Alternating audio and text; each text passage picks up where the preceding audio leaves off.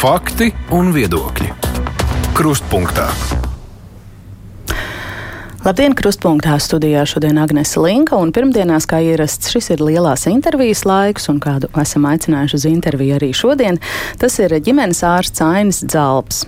Viņam ir doktorāts Stāļģenē, arī gana daudz papildus darbu. Viņš ir Latvijas lauku ģimenes ārstu asociācijas viceprezidents, vada arī šīs asociācijas jauno ģimenes ārstu nodaļu, darbojas arī Rīgas Stradiņu universitātes ģimenes medicīnas katedrā kā docētājs un bieži viesis arī radio un televīzijā. Labdien, doktor! Doktor. Labdien!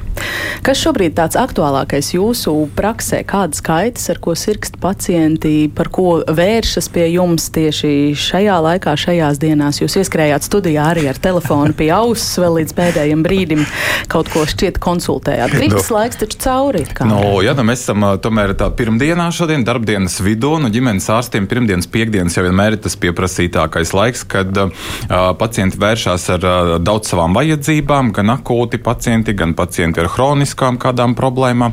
Nu, šobrīd es gribētu vērst uzmanību uz to, ka mums, jā, šīs gripas un covid gadījumu skaits ir palicis mazāk šīs akūtās respiratorās saslimšanas, bet strādājot laukos, nu, tad mēs gribētu teikt, ka šīs balstu un kustību aparāta problēmas ar vien aktuālākas kļūst. Ejam ārā, ejam Visi dārzos, dārzus, ejam jā. mežos, mm -hmm. Mhm. un tomēr pēc šīs ziemas atpūtas, pēc pauzes, šīs balstu kustību aparāta problēmas liek par sevi manīt. Līdz ar to nu, ģimenes ārstiem arī šobrīd darāmā darba darba ir daudz, un jā, šīs, šīs saslimšana grupa, un, protams, es gribētu teikt, ļoti liels sloks šobrīd mēs izjūtam šīs hroniskās saslimšanas, kā ierasti mēs pieminējām, ka varbūt šajā Covid laikā mēs nespējām kopā ar saviem kolēģiem, speciālistiem un stacionāriem visu pienācīgi aprūpēt, tad šobrīd vēl joprojām mēs cīnāmies ar Covid-19 pandēmijas izraisītām sekām tieši šo dažādu hronisku slimību dēļ. Mm -hmm. Varbūt nedaudz par jums pašu. Cik sen jūs esat ārsts un kā jūs izvēlējāties šo profesiju un kāpēc tieši ģimenes medicīna tas virziens? Uh, nu, jā, sāksim būt tieši kāpēc ģimenes medicīna. Protams, uh, kā tādam gados jaunam ārstam un uh, savu praksi un rezidentūru un arī lielu daļu studiju pavadot Stradiņos kardioloģijas nodaļā. Protams, sevi redzēju vairāk darbā stacionārā, galvaspilsētā un tādā pietiekami intensīvā darbā, kas ir kardioloģija, kas ir šīs akūtās situācijas, tūlītējs rezultāts, tavu darbību un terapijas. Bet laika gaitā es ar vienu sāku vairāk saprast, ka tomēr medicīna pastāv ne tikai slimnīcā, bet arī ambulatorija un cik svarīgs ir šis profilaktiskais darbs slimības. Mēs stacionārā redzam bieži vien cilvēkus, kas nonāk ar daudz dažādām chroniskām slimībām, dažādiem slimību pāsinājumiem, infarktiem, insultiem. Un īsnībā liela daļa no tām ir novēršamas problēmas. Teiksim, Lielbritānija uzskata, ka viņiem aptuveni 40% no invaliditātēm iestājas novēršamu iemeslu dēļ. Un tās ir, pieņemsim, hipertenzija, paaugstināts holesterīns, dažādas traumas, alkohols, smēķēšana. Un, un tad es ar vien vairāk sāku domāt par to, ka ir tik daudz, ko mēs varam darīt preventīvi, un tādēļ man ģimenes medicīna likās saistoša, jo šīs ir dažādās vecuma grupas. Šis darbs ir ļoti interesants. Darbs vairāk gadu garumā ar, ar kādām konkrētām ģimenēm.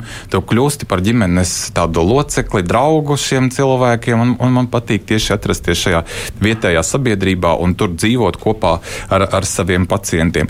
Tā ideja pievērsties medicīnai es domāju, varbūt kā lielai daļai tā laika jaunieši bija tas, ka man ļoti patika varbūt šīs dabas zinātnes, ķīmija, bioloģija, tad ir šis darbs veselības aprūpē vienmēr liekas ļoti tāds skaists un vilinošs un, un, un, un patīkams palīdzēt cilvēkiem, sabiedrībai. Un es domāju, ka tas ir tas galvenais, kas arī šobrīd jauniešus piesaista šai nozarei. Un, godīgi sakot, lai cik mums reizēm būtu grūti vai kādas mums ir izmaiņas, gan politiskās, gan praktiskās, tad es šo izvēli joprojām nenožēloju. Man liekas, šīs iespējas, kas ir veselības aprūpē, ir ārkārtīgi plašas. Mm. Es nedaudz pētīju jūsu darba gaitu aprakstu arī uh, Lauka asociācijas, uh, ģimenes ārsta asociācijas mājaslapā. Tur tas jūsu profils, un tur minēts, ka jūs esat guvis darba pieredzi arī ārzemēs, kur un kad jūs esat bijis. Un, un kādas atmiņas, iespēja, atšķirības starp darba vidi, tur, kur jūs bijāt, un tā kā tas tagad ir īstenībā Jā. jūsu darbīgdienā? Tas bija ļoti interesants, interesants brīdis. Tas bija 2008. un 2009. gads. Tāds mums arī atceramies, tā bija krīze. Protams, tās kā arī veselības aprūpi. Un, un īstenībā tā situācija bija diezgan līdzīga tam, kas notiek arī šobrīd. Un tad, Esot pietiekami jauns, redzēju, ka tāds ātrs problēmu risinājums ir uh, mēģināt strādāt ārzemēs, kur kā vienmēr mēs zinām, ir, ir tā kā labāk un ātrāk un, un maksā vairāk. Un, godīgi sakot, tā arī bija. un, uh, tas bija tāda iespēja man. Uh, varbūt sakārtot daudz tādas finansiālās lietas, iegūt zināmu pamatu, ko es nevarēju nu, Latvijas veselības aprūpas sistēmā sasniegt tajā brīdī. Un, un īstenībā strādājot ārzemēs, tad, tad es nolēmu tā pietiekami ātri, operatīvi veikt šo izvēli, un kā iespēja bija Malta. Ja, un tad es ņemot vērā, ka tur ir valsts valoda, arī angļu valoda, un prasības mums nebija nekādas, mums vajadzēja iztulkot savu certifikātu, kādas speciālistas esmu. Un tad man piedāvāja darbu Maltā, un tad, attiecīgi, protams, šīs privātās klīnikas ļoti ātri attīstās, un tad es nonācu strādāt Lībijā. Tā Āfrika, kur es strādāju par ģimenes ārstu, un tas bija ārkārtīgi interesants brīdis, un pilnīgi cita kultūra, cita sabiedrība, citas varbūt pieejas, kā risināt veselības aprūpes problēmas. Un, godīgi sakot, īsti tur es arī sap, sastapos ar tādu īstenu ģimenes medicīnu. Ko nozīmē tev būt vienam pašam bieži vien un risināt risināt uh, veselu no tādu veselības problēmu loku, sākot no jaundzimušā, beidzot līdz palietīvai aprūpē ar tiem resursiem, kas tev ir. Un es sapratu to, ka mēs ļoti daudz ko varam izdarīt. Es guvu tā kā papildu tādu ticību sev, neatkarību, un es sapratu, ka es Latvijā arī gribētu turpināt strādāt par ģimenes ārstu, veidot savu uzņēmumu un cīnīties par to, lai tā mana prakse ir tāda nu, pietiekami, nu, tiksim, tā, tāds zīmols lai mēs varam sniegt pietiekami kvalitatīvu veselības aprūpi tam iedzīvotāju lokam, kuru mēs aprūpējam. Tieši aptuveni tā, kā es to būtu gribējis, iecerējis, lai tādus pakalpojumus sniedz arī man, maksimāli koncentrējoties uz profilaktisko darbu.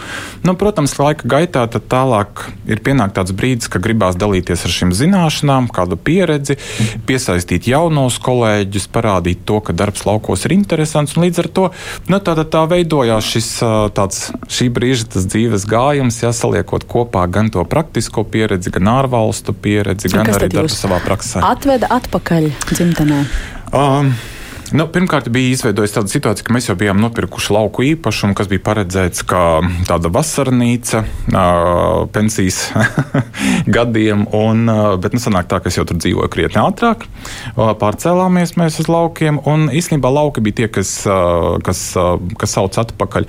Esot ārzemēs un sasniedzot tādu profesionālo šo te gandarījumu, redzot to vidi kad, un redzot tās izaugsmes iespējas, redzot to, ka cik, cik tu vari būt profesionāli spējīgs un neatkarīgs. Īstenībā tie apstākļi ir tik sakārtot tajā pašā Lībijā, ja? bet, tieši, protams, tas ir privātā klīnika, ka tu sajūti jau tādu, ir nonācis līdz tam, ka īstenībā ir svarīgi atgriezties mājās un, un, un veikt šos uzlabojumus tepat uz vietas mūsu valstī. Jo ir diezgan vienkārši aizbraukt un gūt tādu labumu, ko kāds jau ir sasniedzis, bet tas ir jāmēģina realizēt arī šeit pat uz vietas pie mums. Un, protams, mūsu tad mazliet savādāk mēs vērtējam mūsu valsts tradīcijas, mūsu svētkus, jo es biju pilnīgi citā kultūrā, mūsu dziesmu svētkus, un tas man ārkārtīgi pietrūka, un es sapratu, jā, es tur varu nopelnīt ļoti labi un ātri un, un realizēt un sakārtot šo finansiālo pusi, bet man ļoti pietrūka mūsu Latvijas, ja viss šī skaistā un, un, un, un mūsu tradīcija un mūsu zemes, un, un tāpēc, jā, tāpēc esmu atpakaļ. Mm. Tā vīzija, kas jums bija kā jaunam ārstam atgriežoties un uzsākot savu praksi šeit, kā jūs teiktu, par cik procentiem ir izdevies to piepildīt, kā jūs iztēlojāties, ko es gribu?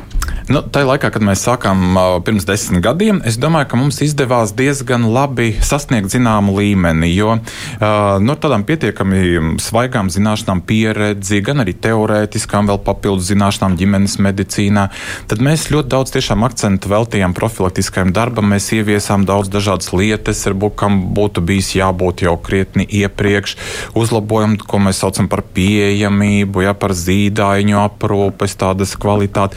Protams, laika gaitā, esot varbūt ar vienu šajā ikdienas darbā, pietrūkst laika pietiekami veltīt, nu, zināmai attīstībai. Tā skaitā infrastruktūrai, kaut kādiem jauniem pakalpojumiem, pašam mācīties kaut ko jaunu klāt. Es skatos, kolēģi, jaunie ģimenes ārsti ļoti aktīvi apgūst dermatoskopijas. Tātad tās ir tās metodas, ko manā laikā vēl īsti nepiedāvāja, ka mēs paši savā praksē varam atpazīt um, ādas dažādus veidojumus, vai tas ir labdabīgs vai ļaundabīgs. Un tas arī padara darbu interesantāku. Skatos, jaunie kolēģi mēģina rast laiku, lai apgūtu sonogrāfiju. Man tādu iemaņu nav, un īsties arī pat labi neredzu varbūt to laika iespējas, kā es to varētu realizēt. Um, un arī, protams, vienmēr gribās kaut ko uzlabot, un, teiksim, tā infrastruktūrā, bet tur mēs atduramies pret finansējumu. Jo, pieņemsim, reģionos mums būtu vajadzīgs šīs alternatīvās elektroenerģijas padeves sistēmas, jo mēs esam atkarīgi no vējiem, no plūdiem, no, no daudzām lietām, kad mums, teiksim, darbs apstājās, jo nav elektrības. Tas būtu vajadzīgs. Mums ir telpu remonti vajadzīgi, bet īstenībā mēs mēģinam piesaistīt finansējumu dažādos veidos. Eiropas projekti, uzrunājām Jelgavas novada pašvaldību. Nu, ir, ir mums tāds apsolījums sakārtot šīs koplietošanas telpas, kur mēs tā tīrējam no pašvaldības. Un es domāju, ka lietas virzīsies priekšu. Galvenais ir nezaudēt šo entuziasmu. Nu jā, mans jautājums bija par to, cik lielā mērā ir izdevies piepildīt to vīziju. Nu, šobrīd mēs varam teikt, 50 no, 50, 60, un ir lietas, ko, ko noteikti vēl varētu mm. noteikt, ko varētu uzlabot. Un, un attīstīt bez šaubām. Vienmēr, Kā jūs raksturot, ja es lūgtu jūs izstāstīt, kāda ir tā atšķirība starp lauku un pilsētas ģimenes ārsta darbu ikdienu? Kas ir tā jūsu darba specifika? Atšķirība ir, un es gribētu teikt, diezgan liela. Tāpēc nevelti Latvijā mums ir divas ģimenes ārstu asociācijas. Ir ģimenes ārstu asociācija un lauku ģimenes ārstu asociācija. Un arī Eiropā ir tāda Eiropas lauku ģimenes ārstu asociācija. Darbs atšķirās. Pirmkārt, Lielā mērā mēs varētu teikt, darbs reģionos tā ir, bet nevienmēr negatīvā ziņā, tā ir izolācija. Tā ir izolācija daudzos, varbūt profesionāla izolācija. Vienam otram tā ir tāda sociāla, varētu būt arī finansiāla, varbūt vēl kādā citā, arī profesionāla. Tieši mums ir daudz grūtāk varbūt iesaistīties papildu kursos, bet tas sniedz arī tas lauku dzīvesveids, protams, sniedz savus dažādus labumus, bet tā darba ikdiena ir savādāka. Mums tā ir daudz praktiskāka, tāda visaptverošāka. Jo mums teiksim, tāds pakalpojums, bieži vien kā nosūtījuma izsniegšana, nemaz nav pieprasīts. Pacients, kad pie mums atnāk ar savu vienu vai diviem eiro, viņš grib, lai arī viņa problēma atrisina turpat uz vietas laukos. Līdz ar to mēs esam jāreģistrējam gan lielus, gan mazus ar dažādām slimībām. Šo to darām no ķirurģijas, vajadzības gadījumā šo to no ginekoloģijas, kādu plaušu izmeklējumu, kardiogramu. Tā kā mēģinam sniegt visu to spektru, kas ir pieprasīts. Mm. Jā, mēs bieži dzirdam arī pacientu neapmierinātību tieši par to, ka mm, laukos ārpus lielajām pilsētām ģimenes ārsti ir īpaši nepieejami, tie atrodas tālu, nebrauc mājas vizītēs, paši neapskata pacientus, daudzus darbus deleģē saviem palīgiem, un pacientam nemaz nav izvēles kaut ko mainīt, jo kāds cits ģimenes ārsts būs vēl tālāk un varbūt vēl mazāk pieejams, un pat lauku teritorijās tagad dzirdu, ka bieži sastopam arī situāciju, ka viens ģimenes ārsts apkalpo divas vai trīs prakses. Ja? Nu, vai šo kaut kā vajag mēģināt mainīt, vai jūs vispār redzat šajā jomā kādu gaismu tuneļa galā? Ģimenes medicīna, un vai, kā mēs varētu teikt, plašākā nozīmē primārā veselība aprūpe reģionos, nu, tā ir problēma ne tikai Latvijā, bet tā ir problēma gan Eiropā, gan pasaulē kopumā. Arvien grūtāk ir piesaistīt iesaistīt speciālistus darbam laukos. Arī, ja mēs paskatāmies situāciju Latvijā, ja mēs paskatāmies NVD dati, tad uh, parasti ģimenes ārsti iztrūks dažādos reģionos. Bieži vien vidzemē nav pietrūkts speciāls pat gadiem ilgi, nespēja nokomplektēt ģimenes ārsta prakses, kur zemes pusē pietrūkst. Tā kā šie izaicinājumi ir, mums ir jāsaprot, ka ģimenes ārsta praksa nesastāv tikai no ģimenes ārsta. Un, tā ir tāda pasaules tendence, un ja mēs vairāk raugāmies uz skandināvu valstīm, tad īstenībā tur jau tā ģimenes ārsta loma vairāk ir kā tāds konsultants, padomdevējs un prakses vadītājs, un viņa uzdevums ir nokomplektēt komandu no ārsta palīgiem, kuri nu, mēģina iesaistīties daudz un dažādu problēmu risinājumos, gan akūtu pacientu aprūpē, veselu bērnu aprūpē, palietīvu pacientu aprūpē, tā kā skaitā vajadzības gadījumā sniedzot mājas vizītes. Un tas, tā, to mēs saucam par komandas darbu. Un tas īstenībā ir tāds izmaksu efektīvs risinājums, ko, protams, nespēja atrisināt. Es varbūt tik daudz vienpersoniski, nu, kā ģimenes ārsts, bet tā ir veselības ministrijas īstenībā redzējums un, un mūsu politiķu redzējums un, un, un iešana līdzi laikam. Jā, pacientiem bieži vien jāsaprot, ka nevienmēr ģimenes ārsts būs klātesošs. Ir citi komandas locekļi, kur var saņemt veselības aprūpas pakalpojumu tos kompetences ietvaros, ko viņi spēj sniegt, protams. Bet es domāju, ka uh, laukos tā ģimenes ārstu pieejamība, ja tur vispār ir tas ģimenes ārsts, tomēr ir gana laba.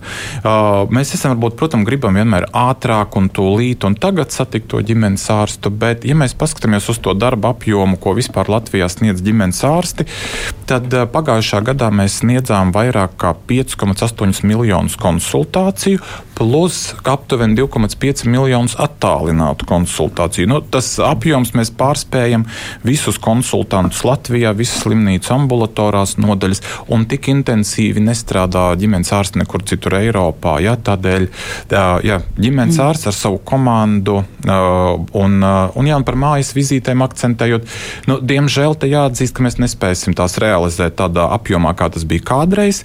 Dzīvojot kapitālismā, ir jārēķina gan mums, gan arī pacientiem, un attīstītākās un pat bagātākās bagātākās Eiropas valstīs ir tā, ka tiek rasti risinājumi, lai pacientu transportētu līdz ģimenes ārstam. Protams, ir atsevišķas saslimšanas, ir tiksim, pacienti ar kustību traucējumiem, kur uh, vajadzības gadījumā mēs, uh, protams, nodrošinām vēl joprojām pakalpojumu mājās, bet šis pakalpojums principā ir pakāpeniski aizejošs, un te ir gan vietējām pašvaldībām, gan valstī kopumā, gan sociālajiem dienestiem ir jādomā, kā mēs nodrošināsim šo loģistiku ilgtermiņā. Ja, bet tad pieejamībā ir problēmas, un tur ir kaut kas steidzami, akūti jādara? Viennozīmīgi, ja mums ir izveidojusies situācija Latvijā, ka mums ārkārtīgi trūkst ģimenes ārstu. Mums trūkst māsu, mums trūkst ārsta palīgu, bet reģionos mums katastrofāli trūkst ģimenes ārstu. Ģimenes ārsti Latvijā vidējais vecums, tātad divām trešdaļām, ir pirmspensijas pensijas vecums.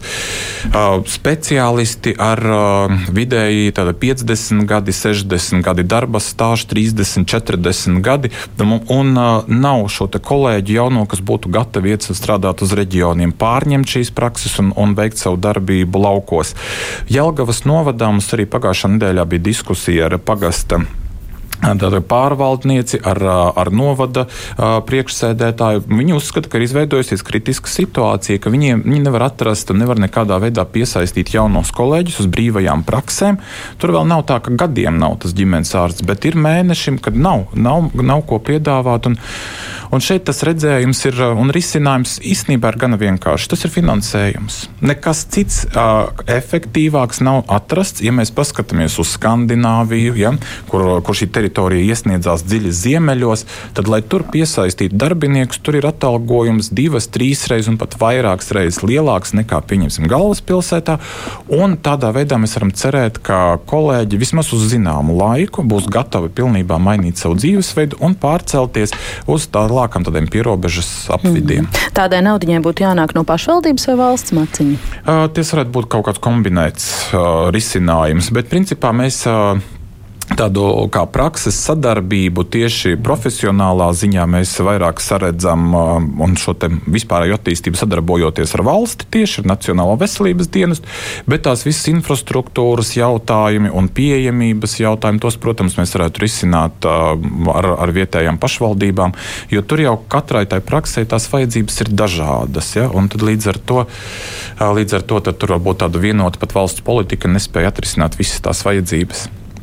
Kādas ir indikācijas, ir dziļ, dzirdošas ausis eh, tur tajā otrā uh, pusē, kad jūs šo sakāt? Es domāju, ka mēs uh, pēdējā pusgadā uh, esam nonākuši tādā situācijā, ka ar mums vispār neviens nerunā. Um, diemžēl, ar jums domājot, tas domāju, ir ar ārstu asociācijām, ar, ģimenes ārstiem, ar lauku ģimenes ārstiem? Ar tieši? lauku ģimenes ārstiem. Vispār, es domāju, ar speciālistiem tieši šīs sūdzības uh, ir, ir, un šie secinājumi ir līdzīgi tā, tādi, ko, kā es šobrīd paužu. Ārkārtīgi pietrūkst šis dialogs un vairāk, vairāk es gribētu teikt tieši ar, um, ar uh, politikas veidotājiem, kur pārziņā ir finansējums. Jo ļoti daudz lietas atdurās pret finansējumu. Šeit būtu jāsaprot, ka veselības ministriju aicinātu uz dialogu dialogu aktīvāk? Nu, veselības ministrija, es gribētu teikt, ir gana pretim nākoša un, un nav? sarunās piedalās. Un, un zināmu izpratni un vajadzības jau tiek saklausīts, bet viss atkal atkārtoši atdurās pret finansēm, kur, kas nav atkarīgs tikai no veselības ministrijas. No vienas puses, mēs vienmēr šobrīd, gan es tā jūtu, gan pacienti, gan ļoti daudz mediķu organizācijas, mēs ļoti aizstāvam savu veselības ministri. Mēs esam sarunās ar viņu guvuši tādu pārliecību, ka kolēģi izprot šīs mūsu vajadzības un, un tam tā kā, tās atbalsta. Taču no otras puses šim politiskajam spēkam pietrūks politiskā atbalsta, lai veiktu nu, šīs nepieciešamās darbības. Un šeit atkal rodās jau mazliet jautājums, cik ilgi mēs būsim spējīgi teiksim, to pieņemt un to nu, savā tādās domās uzturēt, ka ministrs ministrija ir laba, bet rezultāts tomēr mums izpaliek. Tur šie parādās tādi riska momenti, un tādēļ es gribēju teikt, ka politiskajam spēkam ļoti aktīvi ir jāsadarbojas ar pārējiem politikas veidotājiem, lai panāktu šo izpratni eh, par eh, gan ģimenes ārstu vajadzībām, gan tā skaitā lauku ģimenes ārstu vajadzībām. Un otra lieta, kas, ko, kas mums ir jāsacina, diemžēl, ka Kariņa kungs ir. Es gribētu teikt, ka viņš izvairās un slēpjas aiz veselības ministres pleciem, aiz finanšu ministra un vispār izvairās no jebkāda dialoga ar nozari. Iespējams, arī ar izglītības, bet, bet ar veselības aprūpes noteikti. Tas, ko mēs esam dzirdējuši, ka ir nepieciešamas kaut kādas reformas, ka tad kaut kas varētu arī notikt, bet, bet tas nevieš nekādu uzticību un skaidrību, un, un tādēļ arī ģimenes ārstu asociācija lauku pievienosies pie šiem protesta gājieniem, un, un mēs apsveram dažādas citas protesta akcijas, jo mēs neesam mierā ar šādu, šādu veidu attieksmi, ar šādu situāciju.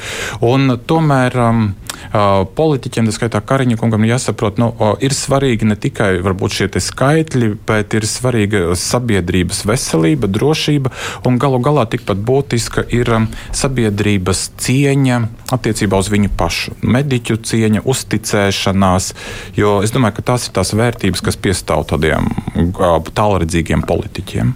Ja.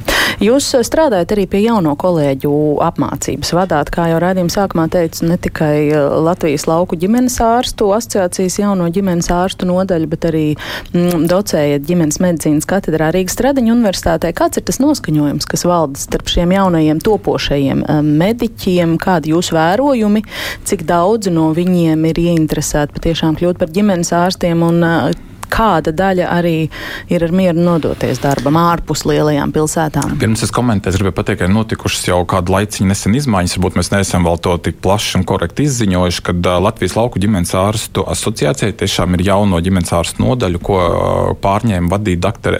Evelīna Beire. Jauna forša kolēģe, kur, es domāju, ļoti aktīvi turpinās šos iesāktos darbus un, un, un parādīs to, ka ģimenes medicīna laukos ir ļoti interesanti un saistoši uzrunāt uzrunās mūsu jaunos kolēģus.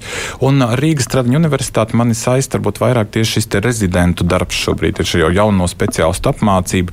Bet atceroties tos laikus, vairāk, kad tieši mēs uzrunājām studentus, protams, joprojām ir ārkārtīgi svarīgi parādīt šos mūsu specialitātes uzdevumus un iegūmus.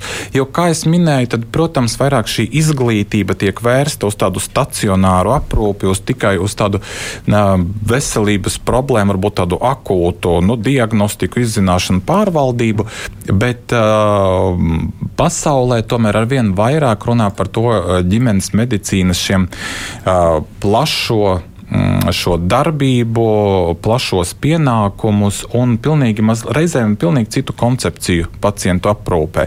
Kā pieņemsim, mēs arī nerunājam tik daudz, nelietojam vārdu, ka mēs ārstējam pacientus, mēs aprūpējam, un tam ir pilnīgi cita nozīme un daudz plašāka. Tā skaitā mēs runājam gan par sociālo aprūpi, mēs runājam par ģimenes aprūpi, mēs runājam par iespējamu vardarbību, par to, kā mūsu bērni jūtās skolās, vai ir kaut kādas varbūt problēmas, kas mums ir pārāk pārklājās pedagoģija un veselības aprūpe. Tās visas ir ja, ģimenes medicīnas kompetences, tā kā daudz, daudz plašāks. Un es domāju, ka mācībās, studijās un arī rezidentūrā ir tas, tas svarīgākais arī parādīt ja, tās iespējas un parādīt to, ka mēs atšķiramies no citām specialitātēm tieši caur, ko mēs saucam šo holistisko veselības aprūpi. Jā, tas jau ir ļoti skaisti, kā jūs to eh, stāstāt. Inga mums, piemēram, raksta, nu varbūt laukos un mazpilsētās arī ir jēga no ģimenes ārstiem, bet Rīgā nu nē. Primārās aprūpas ārsti ir tikai norīkojumu un recepšu izrakstītāji valsts apmaksātajiem pakalpojumiem, tādi dispečeri. Es pati sastādu sarakstu ar nepieciešamiem norīkojumiem uz diagnostiku pie speciālistiem, arī uz vakcīnām, un tad saskaņā ar speciālistu slēdzienu ģimenes ārsti izraksta kompensējumos medikamentus. Reizēm varbūt, jā, reizēm varbūt arī tāda pieeja un tāda veida sadarbība sadarbība gadās. Ja, un, Bet kā tas ir vērtējams? Šeit, teiksim, mēs no laukos mums tādas situācijas ir ārkārtīgi reti, bet ir, ir. Cilvēki, pieņemsim, šīs sadarbības modelis un šīs attiecības var veidoties dažādi. Ja? Tāpat kā mēs zinām, tāpat, ja mēs uzskatām, ka ģimenes ārsts aprūpē pacientu gadiem ilgi, tad šī sadarbība ar, ar, ar vienu ģimeni veidojas citāda, ar citu atkal savādāk. Un vienam pacientam vajadzības vajadzības un iespējas ir, ir mazliet savādākas. Jā, es piekritīšu, kā jau minēju, ka šī lauku ģimenes medicīna ir krietni praktiskāka un pilsētās, kur ir pieejami daudz dažādu speciālistu, varētu varbūt vajag runa vairāk, kad mēs izvērtējam šo nepieciešamību vai indikācijas valsts apmaksātam pakalpojumam un, un, un, un tātad izsniedzam šo nosūtījumu, apstiprinot šo. Bet, um, Es domāju, ka šeit, protams, gan ģimenes ārstam iespējams ir daudz ko uzlabot, bet arī pacientam reizēm ir vienkārši jāpajautā ģimenes ārsta viedoklis, ko viņš domā par šo situāciju, kādi ir viņa ieteikumi, un jau izrunājot un, un, un izveidojot adekvātu tādu dialogu, mēs saprotam, ka to problēmu var atrisināt primārās veselības aprūpas līmenī. Tā kā viss ir komunikācija, komunikācija un vēlreiz komunikācija. Jā. Šodien kruspunktā lielā intervija pēc mirkļa mēs turpināsim. Raidījums Krustpunktā. Un šodien sarunājamies ar ģimenes ārstu no Staļģenes, doktoru Aini Dzalbu. Mums kāda klausītāja arī raksta liels paldies doktoram Dzalbam par vislabāko Latvijā metodi, kā aizvest sievietes uz mamogrāfiju. Kas tad tur ir tas noslēpums? Kāda, paldies! Jā, nu, mēs tātad, kā jau minēju, ļoti aktīvi darbojamies profilaktiskajā jomā. Mēs mēģinām mūsu pacientiem piedāvāt šo agrīno diagnostiku, jo tā ir tā lielākā vērtība, ar ko ģimenes ārsts var atšķirties no citiem speciālistiem. Es saku, sāpošu gūžu jau ļoti daudz speciālistu, kas spēj ārstēt, bet nodrošināt profilaksi, tas gulstās uz ģimenes ārsta pleciem. Bet mums Latvijā ļoti švaki ar to iet. Kāds tad ir tas jūsu brīnuma rīks? Nu, redz, un tad uh, viss ir tātad, no ģimenes ārsta puses šis ir jautājums par prioritātēm, par komandu, kā jau minēju, šis komandas darbs un mēģināt, uh, mēģināt sa, saredzēt tam uh, liels iegums, veltīt tam laiku. Un uh, tad mēs, mūsu pieeja ir sekojoša, ka mēs, protams, uh, izējam cauri šim valsts apmaksātiem skrīninga pakalpojumiem, mēs saprotam, kā tie darbojās un mēģinam maksimāli tos piedāvāt uz vietas tuvāk pacienta dzīves vietai. Uh, Mēs saprotam to, ka pacientu atsaucība ir diezgan zema. Vidēji, ja ģimenes ārsts vispār neiesaistās, tad pēc mūsu novērojumiem aptuveni 10 līdz 15% no pacientiem tikai atsaucās uz tām vēstulēm, ko izsūta Nacionālais veselības dienests. Un tad īstenībā ir divi risinājumi. Vai nu mēs ieguldam ļoti daudz laika kampaņās, dažādās izglītojušās motivējošās, kas varbūt nevienmēr nostrādā. Mūsu cilvēkiem Latvijā tradicionāli patīk šī individuālā pieeja, ka kāds tur rūpi par šo un kāds uzrunā, atgādina. Un vēl jo vairāk uzaicina šo mobīlo pakalpojumu sniedzēju, pierakstu uz konkrēto laiku, vajadzības gadījumā ar sociālo dienestu sarunā transporta pakalpojumus un nodrošina šo pakalpojumu.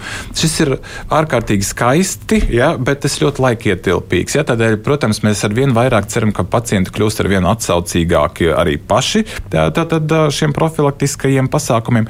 Bet šeit tas būtiskākais ir tas, ka mēs to spētu realizēt Es domāju, ka ļoti daudz ģimenes ārstu praksi to spētu realizēt, ja mums būtu šie papildu darbinieki. Šis eh, pakalpojumi īsti pat nesaistās tik daudz ar medicīnisko izglītību. Tur ir vajadzīgi papildus cilvēki, kuri saņem šo informāciju no Nacionālā veselības dienesta, spēj to analizēt, spēj uh, norganizēt šos izbraukumu pakalpojumus, sarindot, tālāk informēt. Izglītot. Nu, reģistrātori reģi, tāda zvanu operatori. Jā, reģistrātoru funkcijas. Nedaudz un, un tas mums bija, tas mums bija ar tādu pieredzi. Jā, un tas mums bija uz Covid laiku. Lauku asociācija bija izcīnījusi. Mēs gandrīz gadu mums bija šis papildu darbinieks, kas bija prioritāri uz Covid-19 pakalpojumi. Bet, protams, ka mēs šo resursu izmantojam daudz un dažādos arī profilakses, lai realizētu. Un tam bija ļoti laba atdeve. Šobrīd tas mums kļūst diezgan liels izaicinājums, jo pacientu pieplūdums ir gana liels ar šīm hroniskām slimībām un daudz citām veselības problēmām un vēl uzņemties, uzturēt šos profilaktiskos pakalpojumus kļūst aizvien grūtāk. Un, un šeit mēs arī tātad, gan ar veselības ministriju, gan ar pārējiem politikas veidotājiem nu, ļoti aktīvi cenšamies sad, nu, skaidrot šo situāciju, ka ja mēs gribam profilaksi, ja mēs gribam agrīnu diagnostiku, tad ir Saskaņā to, ko mums saka OECD, to, ko saka Pasaules banka, šobrīd ir jāinvestē maksimāli primārajā veselības aprūpē. Ir jāveido, lai komanda ir multidisciplināra, tātad piesaistam dažādus speciālistus, ir jābūt pietiekamam speciāli šim vidējam personālam un ir jābūt atbilstošam finansējumam, lai prakses netiek slēgtas un netiek, nu, lai viņas netiek likvidētas. Un īstenībā neviens no šiem punktiem Latvijā šobrīd netiek realizēts. Par, tāpēc arī mēs jā, ļoti aktīvi kā asociācija asociācija darbojamies, lai to panāktu, lai mainītu un, un paskaidrotu, ka nevienmēr ir vajadzīga ļoti smalka infrastruktūra, jaunas nodaļas, ventilācijas aparāti vai smalkas vēl dažādas tehnoloģijas.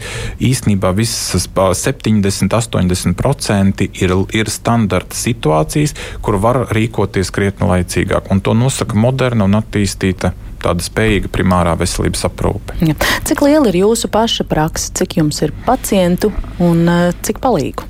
Mēs esam, tātad mums ir 2000, aptuveni 200 pacientu, aptuveni 500 ir bērni, pārējie ir pieaugušie. Praktiski lielākā, absolūti lielākā daļa ir arī vietē, vietējie iedzīvotāji, tādi, kas varbūt ir pārcēlušies kaut kur no joprojām turpina braukāt, ir salīdzinoši neliels, neliels skaits. Un tad mēs esam divi, divi ārstu palīgi, reģistrators un ģimenes ārsts. Mēs esam ļoti priecīgi tajos brīžos, ka mums ir kāds ārsts rezidents, kurš izvēlās un nāk pie mums mācīties iesaistīties. Mums ir papildus jauns, foršs, atsaucīgs speciālists, kur mēs aktīvi iesaistām. Ja? Un, un, un tad vēl ir palielināts šīs mūsu kapacitātes iespējas apkalpot pacientus. Tāpat arī mums ir uh, apmācām studentus pie mums praksē. Arī, ja viņi uzturās pie mums ilgāku laiku, arī maksimāli iesaistam darbos, lai ir ne tikai zināšanas, bet arī mūsu iedzīvotājiem ir kāds papildus uh, iespējas saņemt pakalpojumu ātrāk, vai kāds atgādina par kādu šo profilaktisko darbu. Nu, un tā kopīgi sadarbojoties, tad uh, šo to mums izdodas reizēm sasniegt. Mm -hmm. Tad var teikt, ka esat jūs ārsts, kas vada šo praksi, divi palīgi mediķi un viens nemediķis, jā, tāds kā jā, reģistrators, jā, kā lietvedis. Jā. Jā. Un vajadzētu vēl vienu palīgu, nu, medicīnisku izglītību jā. vai kā šis reģistrātora postenis vēl nu, viens Mēs ļoti gribētu vēl vienu darbinieku ar medicīnisko izglītību, māsu vai ārsta palīgu, bet saprotot, kāda ir situācija Latvijā, ka mums jau pāris tūkstoši māsu trūkst, tad mēs būsim reāli. Mums nav, nav ko piesaistīt, jo ir ģimenes ārsta prakses, kuram ir viens palīgs ar medicīnisko izglītību, un otru viņi nevar gadiem dabūt. Ja, jo absolūti ir Rīgā reizēm varbūt vēl šīs iespējas kādām izmaiņām, bet laukos, ja reģionā šis ārsta palīgs nav, tad viņš arī nav un, un, un nav, kur viņus vairs dabūt. Bet mēs būtu arī priecīgi arī par to, ja mums būtu vēl papildus šis administrators, ja, kurš varētu nebūt ar medicīnisko izglītību. Ja mēs saprotam, arī valsts mums ļoti uzstāda, ka mums vajag daudz ko digitalizēt. Mēs gribam, teiksim, vakcinācijas faktu, lai tas ir ievadīts e-veselībā. Iespējams, lai iepriekšējās vakcinācijas būtu izdarītas un, un ievadītas e-veselībā, kas ir, ir saprotama prasība un mūsdienīga, bet ir jāsaprot, ka jābūt cilvēkam, kas to dara. Mēs nevaram šobrīd ja, tos, teiksim, ārsta palīgus, kas ir nodarbināti ar veselības aprūpes, dažādām lietām, nodarbināti ar birokrātiskām lietām, jo tad mūsu iedzīvotājiem mēs reāli mēs varam piedāvāt vai nu vakcināciju, vai vakcinācijas fakta ievadi, bet nebūs uh, pakalpojums vienlaicīgi. Mm. Ja? Bet uh, kādas ir uh, ģimenes ārstu prakses iespējas, teiksim, pašiem kaut kā materiāli stimulēt šos savus palīgus, lai viņus noturētu, piesaistītu darbā ar medicīnas, bez medicīnas izglītības? Nu, teiksim, vēl piesaistīt papildu darbinieku, tā saucamo to trešo darbinieku, ir diezgan nereāli. Varbūt mēs to būtu spējuši darīt, ja nebūtu šis komunālo maksājumu cenu lēciens. Ja, jo tas paņem ārkārtīgi lielu šobrīd izmaksu daļu. Un kolēģi, kas vēl bija mēģinājuši saglabāt šo papildu darbinieku, tomēr atzīst, ka šis finansējums pietrūkst. Un, tādēļ, tādēļ daudzi pakāpeniski nu, saka, ka mēs diemžēl sadarboties tālāk vairs nevarēsim finansējuma trūkuma dēļ. Kaut gan šie darbinieki ir ārkārtīgi vajadzīgi, ļoti vajadzīgi, lai mēs sasniegtu kaut kādu rezultātu, ja, to, ko mēs gribam mūsu valstī. Bet esošiem darbiniekiem, protams, ir, ir iespējas, ko mēs varam piedāvāt papildus. Nu, mums ir pieņemsim, mēs varam piedalīties dažādās kvalitātes programmās. Nu, cik nu viņas ir tur Latvijā ģimenes ārstiem, mēs varam ar šo papildu finansējumu arī novirzīt darbiniekiem.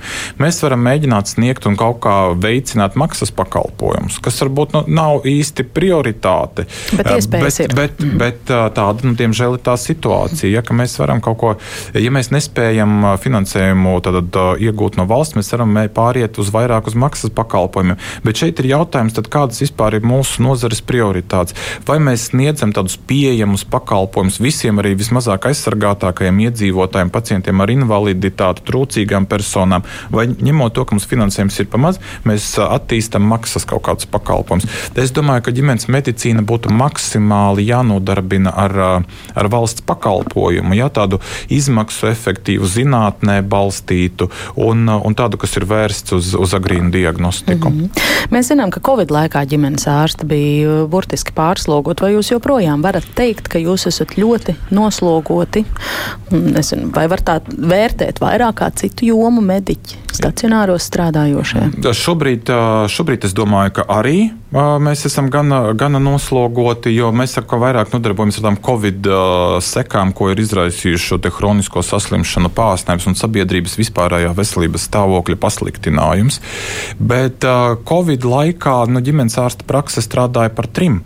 Ja mums bija gan jānodrošina šī tradicionālā ģimenes medicīna, kura nekur nebija pazudusi, un šīs vajadzības bija, ir, bija ārkārtīgi pieprasīts, mēs nodarbojāmies ar covid-19 pacientu ārstēšanu, kas nāca klāt, un tur bija desmitiem un simtiem pacientu nedēļā, un, un vakcinācija. Nu, kā ir tagad? Ja? Vai tagad var teikt, ka ir līdzsvarojusies tās lietas? Ir, ir palicis, protams, tas darba apjoms ir palicis mazāks, viņš ir kļuvis savādāks, bet tā darba intensitāte un tā vajadzība pēc pakalpojumu dažādu iemeslu dēļ, gan sabiedrības veselības stāvokļa dēļ, gan arī citu pakalpojumu nepieejamības dēļ sekundārajā veselības aprūpē, tas ir intensīvāks nekā bija līdz pandēmijai. Mm -hmm. Vai ir kāds pacientu skaits, pie kura jūs teiktu, ka uh, tie ir griezti vairāk cilvēku, viens mediķis, viens ģimenes ārsts praksē nedrīkstētu, nevajadzētu ņemt, lai arī ar palīgiem viņš kvalitīvi nespēja ap aprūpēt? Kas būtu tie griezti? Jūs sakāt, jums ir 2200. Nu, tas ir pietiekami liels skaitlis jau, jā, protams, tādos uh, miera laikos mēs uh, gana labi spējam varbūt pārvaldīt un daudz maz tādā saprātīgā laikā pakalpojumus nodrošināt. Tiklīdz ir kaut kādas gripas un ir kaut kāda covid gadījumi, jā, tad, tad tā pieejamība nu, pasliktinās. Mēs nespējam varbūt mhm. saulaicīgi visu Cik izdarīt. Griezti? Es gribētu teikt, ka kaut kā 2500 tas varētu būt tas uh, lielākais, ko ģimenes ārsts var, var uzņemties uh, ar cerību, ka viņš spēj šo situāciju pārvaldīt un vairāk tieši ar tādu aspektu, ka nu, kolēģiem nākās to darīt, it sevišķi reģionos, jo, teiksim, aizejot kādam ģimenes ārstam prom, jaunu piesaistīt nevar, un tad šīs papildu prakses ir jāpārņem. Gribi mm. vai negribi, tad viņas tiek tev pievienotas, un tas pacientu skaits ir lielāks. Bet vai nebūtu jānosaka tiešām kaut kāds uh, augšējais uh, limits, un tad varbūt arī pašvaldības būtu aktīvāk spiestas domāt, kā piesaistīt jaunos uh, speciālistus? Jo nu, mums ir jūsu Valmieras kolēģi, dr. Jakovīna piemērs, tur ir praksē ap sešiem tūkstošiem vai pat vairāk pacientu, un pēc ievēlēšanas saimā viņš paziņo, ka viņš turpinās savu uh mhm. praksi, un viņam talkā nāk pensionēti ārsti un strādā sestdienās, svētdienās.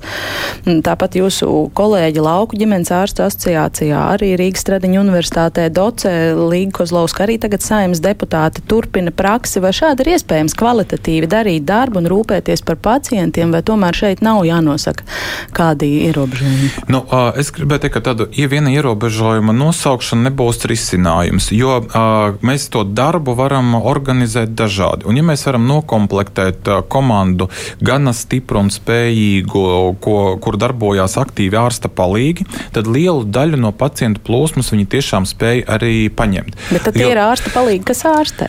Uh, jā, ārsti? jo līdzīgi, tātad, uh, līdzīga situācija tad, uh, ir Skandināvu valstīs. Tas ir īstenībā tas, ko mēs uzskatām par labāko piemēru ģimenes medicīnā. Tur uh, ārsts ir vidēji uz 2500 līdz pat 3000 pacientiem, un praksē ir 5-6 ārsta palīgi. Ja? Un ārsts tad vairāk nodarbojās tieši ar tādām nu, sarežģītākām lietām, kur ir nepieciešams, kur ir tiešām nepieciešams ārsta padoms. Mūsu pacienti, kas dzīvo teiksim, Zviedrijā, viņi bieži vien saka, tiešām, ka ģimenes ārstu viņi ir redzējuši kādu reizi, un tālāk, pieņemsim, vesela bērna aprūpi, vakcināciju un iesnas, un vēl kādas tur gremošanas traucējumus, to visu ārstē un pārvalda ārsta palīgs. Un tā ir normāla situācija, ka tā mēs varētu darīt. Protams, tāds ārkārtīgi liels pacientu skaits, tas varētu būt diezgan liels izaicinājums, bet tur droši vien ir jājautā varbūt pašam kolēģim, kā viņš spēj to darbu organizēt un, un veikt tā, lai šie pacienti ir pienācīgi aprūpēti.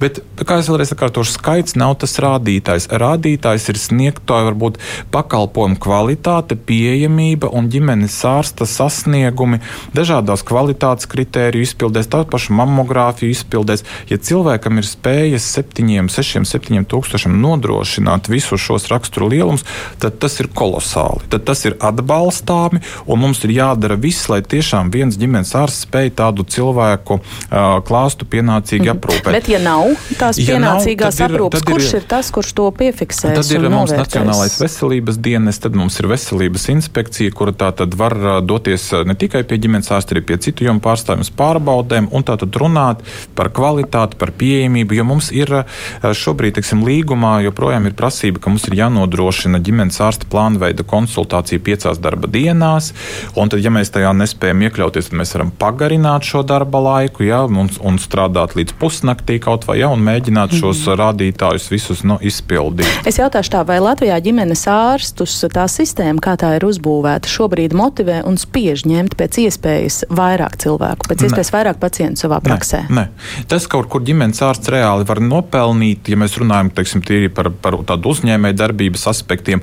Tas varētu būt praksa aptuveni 1500 līdz 2000 pacientiem, un ģimenes ārstam ar komandu ir iespējams realizēt visus uzliktos profilaktiskos darbus, sasniegt to izcilību profilaksē un sniegt pie, pienācīgu, varbūt tādu dažādu pakalpojumu skaitu. Šo to no ķirurģijas, šo to no diagnostikas. Jo, ja mēs paskatāmies tīri atkal no uzņēmē darbības viedokļa, ir zināma kapitāla kompensācijas nauda, ko mēs saņemam, kas ir neliela, un ar to nevar nosekt nu, pat, pat pašizmaksu bieži vien.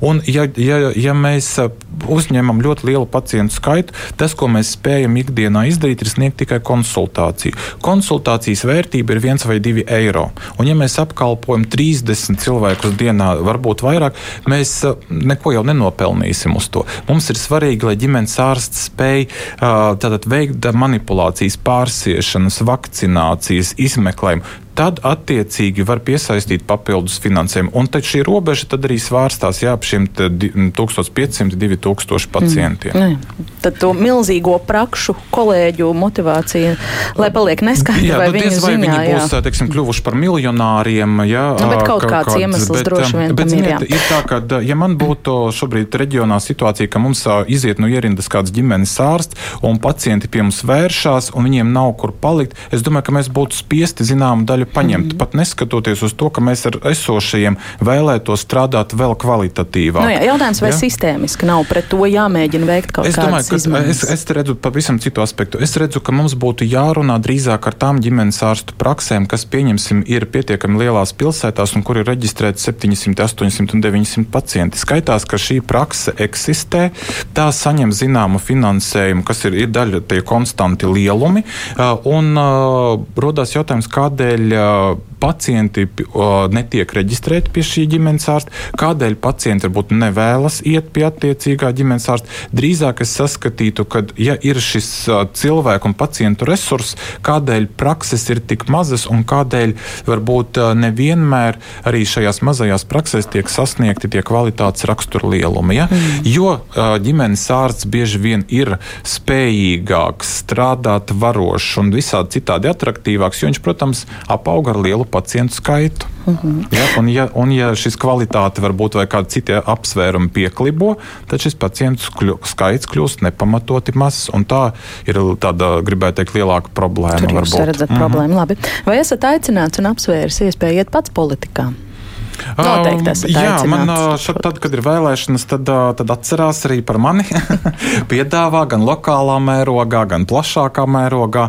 Um, es uh, pat labam atsakos, jo vairāk varbūt uh, esot mazliet iesaistītam kā no nevalstiskās organizācijas, jā, sadarbojoties ar veselības ministriju. Es arvien vairāk saprotu, ka šis nav īsti tas darbs, kas būtu piemērots man. Uh, no vienas puses ir interesanti būt, varbūt piedalīties dažādu dažādu projektu lēmumu tapšanā, bet uh, šis darbs ir ārkārtīgi birokrātisks. Es tomēr saredzu ar vien vairāk pārliecinos par to, ka veselības aprūpe praktiskā ir tieši tas, kas mani saista visvairāk. Un, ja es ar savu padomu vai pieredzi varu būt noderīgs, tad, uh, tad drīzāk sevi saredzu vairāk tādā, tādā jā, jomā. Jā, es gribēju jautāt, kāda ir jūsu motivācija darboties šai lauku ģimenes ārstu asociācijā, ko jūs varbūt tur vēlētos ietekmēt caur lauku, šo institūciju? Jā, lauku asociācija ir ārkārtīgi aktīva organizācija. Un jau no studiju laikiem, no rezidentūras laikiem, tā ļoti piesaistīja manu uzmanību. Tās idejas, ko arī savulaik organizācija pauda, burtiski sakrīt ar tām vērtībām un ar to redzējumu, kas bija tajā laikā, kad es biju ārzemēs. Ka ģimenes ārstam ir jābūt spējīgam pastāvēt neatkarīgi, ka tam ir jāspēj sniegt uh, maksimāli daudz pakalpojumu tuvāk dzīves vietai, nodrošināt šo uh, pieejamību un sasniegt tādu nu, kvalitāti. Ja? Uh, un, un tādēļ es um, arī mēģinu atlicināt laiku un aktīvi darboties asociācijā, jo tad, jā, mēs pārstāvam gan šo mūsu specialitātes attīstību, jo mums vēl diezgan ilgi jāstrādā šajā jomā, un mēs gribam strādāt kvalitatīvi, un ir lietas, kas nav no manis atkarīgas, bet no valsts, no finansējuma, no ministrijām. Tādēļ, un, protams, arī mums ir jācīnās par to, lai, uh, lai aizstāvētu un pārstāvētu kolēģu intereses, lai, lai arī jaun, gados jaunākiem kolēģiem, ja, lai viņiem ir interese, ir iespēja strādāt laukos un, un sniegt šos pakalpojumus arī pārējās mūsu valsts daļās, ne tikai Rīgā. Mm. Jūs pieminējāt premjeru Kariņu un pieminējāt arī to, ka streikosiet visticamāk. Premjeras runājot par medicīnai, izglītībai novirzāmajiem līdzekļiem, nemitīgi atkārto, ka vajadzīgas reformas vai ģimenes ārstu institūcijai jūsu skatījumā ir vajadzīgas kādas reformas izmaiņas? Nu, būtu, ļoti, mēs ļoti tādēļ jau aicinam atkārtoti politikas veidotājus sarunām, ko viņi ir iecerējuši un par kādām reformām īsti runa iet. Jūs saredzat reformas? Reformu iespējamību un nepieciešamību. Vienmēr var Nerunāt par finansējumu, bet vienmēr par... var kaut ko uzlabot un ko? attīstīt. Piemēram, piemēram, ļoti būtiski, kas mums ir ārkārtīgi stagnējoši un ko mēs, ko mēs pamanījām it sevišķi Covid-19 laikā, ir mūsu e-veselība. Ja? Sakārtojam to, radam šīs iespējas, lai mums informācijas aprite reāli notiek elektroniski. Mēs, ģimenes ārsti, arī citi speciālisti, esam spiesti slēgt līgumus ar citiem pakalpojumu sniedzējiem, maksāt papildus līdzekļus, kas nav paredzēti mūsu prakses uzturēšanai, lai saņemtu alternatīvus e-veselības mm. pakalpojumus, datu bāzes ar izmeklējumiem, ar analīzēm. Ja man tā nebūtu, es nevarētu vispār strādāt. Tad uh, mēs dublējam nu, labi, viena lieta e-veselība. To mēs zinām, ka tā viennozīmīgi. Tas, tas būtu kolosāls ieguldījums un būtiski ietaupīt finansējumus un pieejamību daudz un dažādiem pakalpojumiem. Nākamais, ko es redzu kā būtiska reforma, ir šī papildu darbinieku piesaisti ģimenes ārstu praksē. To mēs jau izrunājām. Fantastiski. Arī, uh, definējam varbūt papildu šos kritērijus, pienākums. Tu vienmēr piekrītu, ir jābūt tā, ja mums ir papildu darbinieks, viņam jābūt pienākumam, jābūt izmēramam, izmēramam līdzeklim. Mēs, mums ir jāpārskata, jā, mēs varam pārskatīt varbūt finansējumu modeļus, pilnveidot ģimenes ārstu praksē praksēm. Tiek uzskatīts, ka mums ir šis jauktais kapitācijas modelis, tātad ir kaut kāda summa, ko mēs saņemam konstanta, ir kāda, ko mēs uh, papildus varam nopelnīt, sasniedzot da, da kaut kādus rādītājus vai veicot dažādas pakalpojumus. Ir mums lietas, ko mēs gribam mūsu valstī attīstīt. Pieņemsim um, psihiskā veselība, pieņemsim reproduktīvās veselības jautājumu. Nu jā, Attīstam, tie ir visi jautājumi, kas prasa daram. ieguldīt, ieguldīt, ieguldīt. Bez ieguldīšanas vēl kāda cita tipa reformas? Mm, īstenībā neko daudz tur vairāk nav Jaunu par ko reformēt. Mēs neizgudrosim. Ja? Ir, ir jau mm. pierādīts pasaules attīstītākās un pieredzējušākās valstis jau ir pierādījušas, ka ģimenes medicīna un tāda koncepcija īstenībā kā ir šobrīd Latvijā ir viens no efektīvākajiem un tā skaitā izmaksu efektīvākajiem veidiem, kā nodrošināt veselības aprūpi uh, mūsu sabiedrībai. Nav nekas efektīvāks. Grozi kā gribi, tur var, nezinu, mainīt, piesaistīt kādu speciālistu vairāk, mazāk, bet nekā cita efektīvāka nav. Un tiek uzskatīts, ka ja uh, ģimenes medicīna ir gana stipra, tad uh, mēs tādā veidā spējam atslogot mūsu speciālistus, mūsu uzņemšanas nodaļas, neatliekamās palīdzības un tā tālāk. Latvijā mēs esam sasnieguši jau to līmeni, kad um, vēl likt vairāk strādāt cilvēkiem nav iespējams. Mēs vairāk izdarīt nevaram kā šobrīd. Tad ir, jā, nu tā reforma varētu izskatīties, ka mēs noņemam daļu pakalpojumu nost. Arī tādā ceļā mēs varam iet.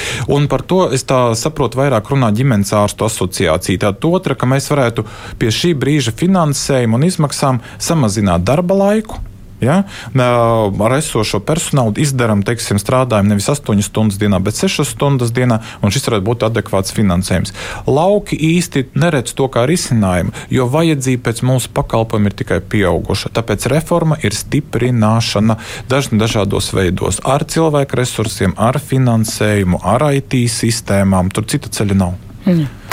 Vai ģimenes ārstu atalgojums, tieši ārstu pašu atalgojums šobrīd atbilst darba apjomam, teiksim, vai jūs arī varbūt varat um, vērtēt kontekstā ar uh, citu medicīnas nozaru ienākumu apmēru. Es zinu, ka ir bijuši arī žurnālistiski pētījumi par to, ka ģimenes ārste viena no vislabāk atalgotajiem ārstiem Latvijā. Jā, reizēm tā varētu gadīties. Tā, tāda situācija mēdz, mēdz būt. Tādēļ nu, ģimenes ārsts par katrs nekļūst par ģimenes ārstu, bet tas, kurš jūt, ka viņš var būt arī vienlaicīgi uzņēmējs.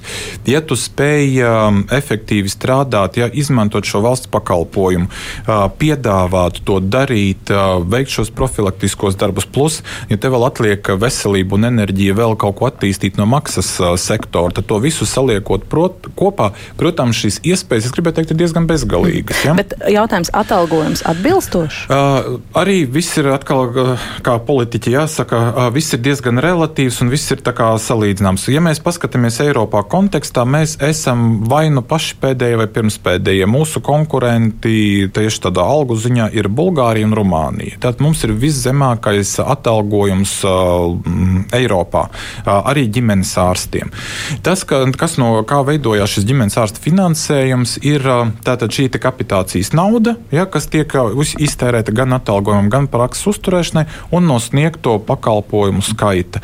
Um, Protams, ka vienmēr mēs varētu runāt par uh, tādu adekvātāku, lielāku finansējumu, it sevišķi reģionos, kas būtu tas rīks, lai mums pārvarētu, kā es iepriekš pieminēju, šīs dažādas izolācijas un stiprinātu motivāciju jaunajiem kolēģiem pārcelties uz reģioniem.